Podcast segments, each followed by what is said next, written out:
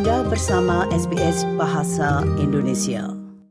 Pendengar sekalian, tema dari Night Dog tahun ini adalah For Our Elders. Night Dog dirayakan untuk memperingati para pemilik pengetahuan dan budaya bangsa aborigin, pelopor, guru, pemimpin, dan penyintas yang telah meletakkan dasar bagi generasi mendatang.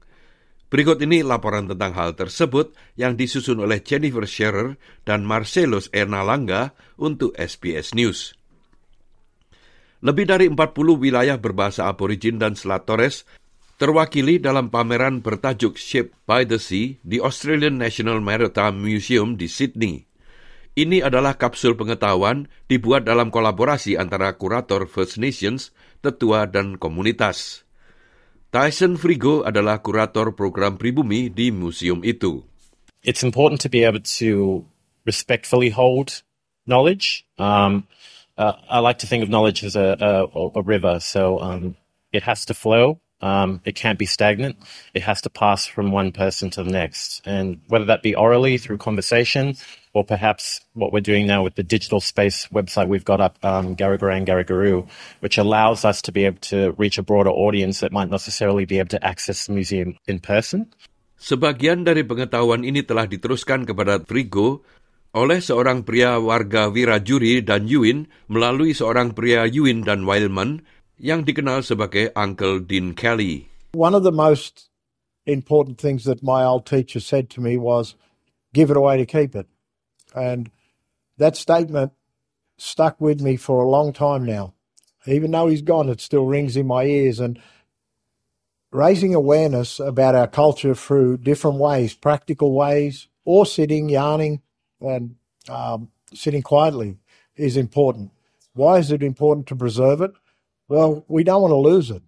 Dalam hal pengakuan status sesepuh, ada serangkaian tradisi dan praktik budaya yang berbeda antara negara, klan, dan kelompok keluarga. Kelly memiliki persepsi sendiri tentang hal itu. My perception of elder is you earn the right from the community or the people. The people tell you who you are by the way they start to respect you. Your behavior is important. Demikian pula dengan Frigo.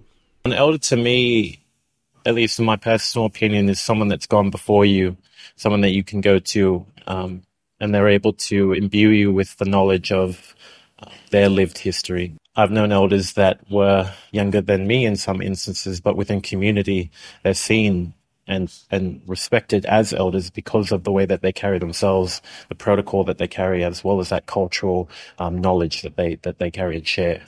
Mengenai istilah sesepuh yang baru muncul, Kelly sedikit lebih skeptis.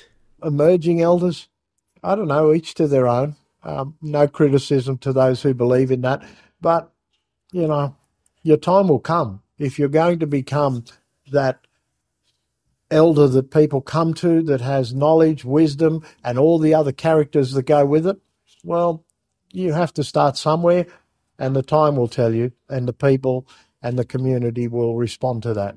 Ia berharap untuk dapat membagikan ilmunya untuk membantu menumbuhkan generasi berikutnya. working with young people excites me. It encourages me to keep on going. When I see a young person doing something well with culture, I know that I'm doing okay. Pendengar, laporan tadi disusun oleh Jennifer Scherer dan Marcellus Enalanga untuk SBS World News dan NITV dan disampaikan oleh Ricky Kusumo. Sukai, berbagi, komentar. Ikuti SBS program Bahasa Indonesia di Facebook.